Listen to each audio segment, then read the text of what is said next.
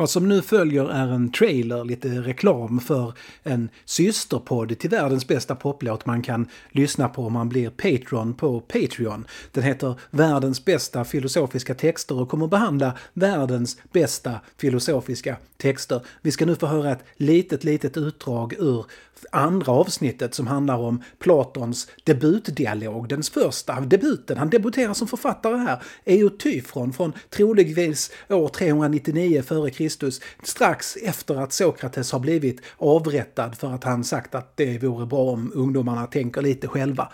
I alla fall, det här är ett utdrag. Följ hela den spännande historien om Sokrates, om de fyra sista veckorna i hans liv som vi kommer följa över fyra avsnitt. Vi behandlar också andra filosofiska texter.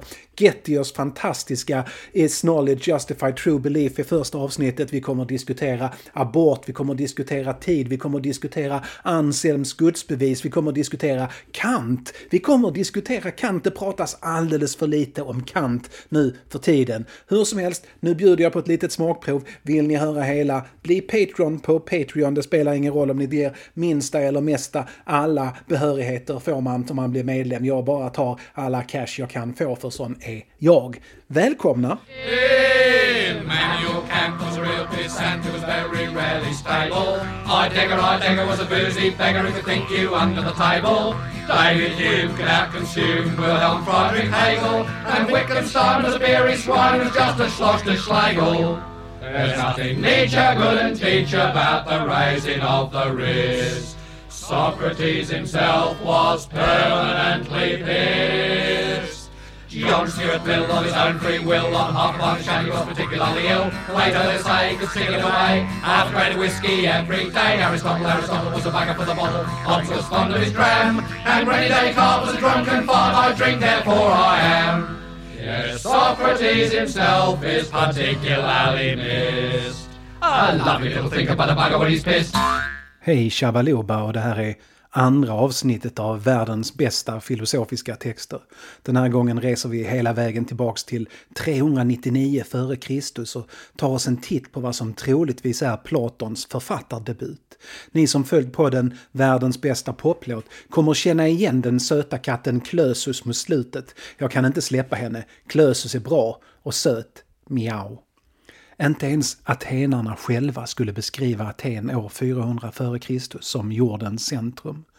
Plågat av krig i nästan hundra år hade den stad som en gång slitit makten över handeln på Medelhavet från Kreta blivit en skugga av sitt forna jag. Men det fanns en känsla av hopp ändå i den sprudlande staden. Demokratin hade nyligen återinförts och de hade hållit fast vid sina gudar, sina traditioner och att slå ihjäl så många spartaner de bara kunde de svåra åren. Handeln hade börjat få ett uppsving och torget som skuggades av templen uppe på Akropolis var fullt av människor nästan nästan dygnet runt. Det bodde strax över 100 000 människor i Aten om man inte räknar slavar, varav hälften var medborgare. Och om vi räknar in förorterna på den peloponnesiska slätten kanske det dubbla. Alla släpptes inte in i själva staden. Var du inte medborgare fick du finna dig i att bo eller vänta utanför murarna. Om du inte betalade en administrativ avgift, såklart, pengar löste allt redan på den tiden.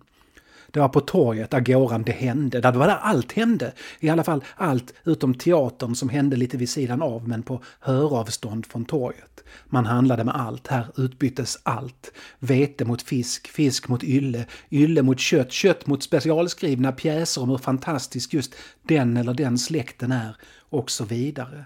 Det var också här man bytte idéer och tankar. Det var här den västerländska filosofin föddes. Den västerländska demokratin föddes just här och just i utbytet av idéer.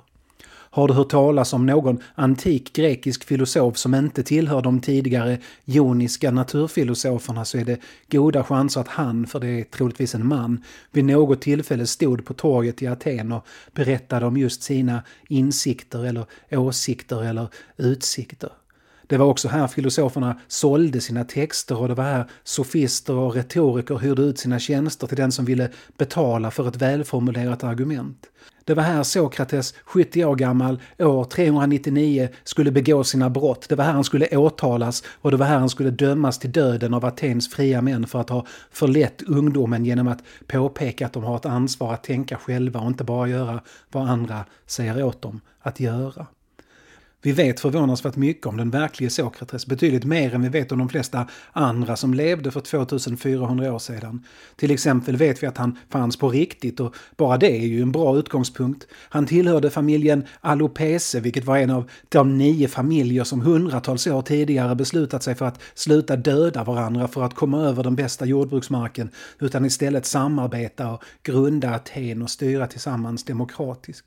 Alopese var inte en av de finare familjerna, deras ägor och hus och sånt låg utanför själva staden men de var fullvärdiga medborgare lika mycket som de andra åtta familjerna. Sokrates far var stenhuggare eller byggmästare, lite beroende på vilken källa man vänder sig till och hans mor var något så ovanligt som en kvinna med ett faktiskt arbete utanför hushållet. Hemmafruidealet var väldigt starkt i det antika Aten, men det tilläts undantag och Sokrates mor var ett av dessa, då hon var barnmorska och specialist på det de kallade kvinnliga sjukdomar, vilket som nu räknades som sådana på den tiden.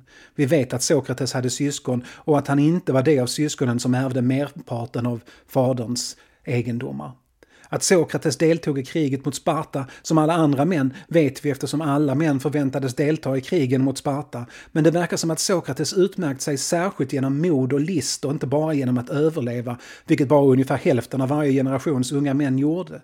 Han var alltså en förhållandevis förmögen man med ett gott rykte tills han kom på, någon gång på 420-talet före Kristus, att det vore en bra idé om att börja prata om vad som är rätt och fel med folket på torget. Och inte bara om vad som är rätt och fel utan också om vad som finns och vad man kan veta om vad som finns och vad man kan veta om vad som är rätt och fel. Det kan tyckas harmlöst men det här var på en tid när Aten slets mellan en modern tro på lagar och rättigheter och en bronsålderstro på gudar som det som ska vägleda människor genom livet. Lagarna grundades på bronsåldersmyterna om gudarna men jurister och demokrater kämpade med präster och stjärntydare om makten över samhället. I just det läget var det problematiskt med en man som gick omkring som om han hade all tid i världen och pratade om vikten av att tänka själv och att det finns mer att upptäcka än bara det allra uppenbaraste.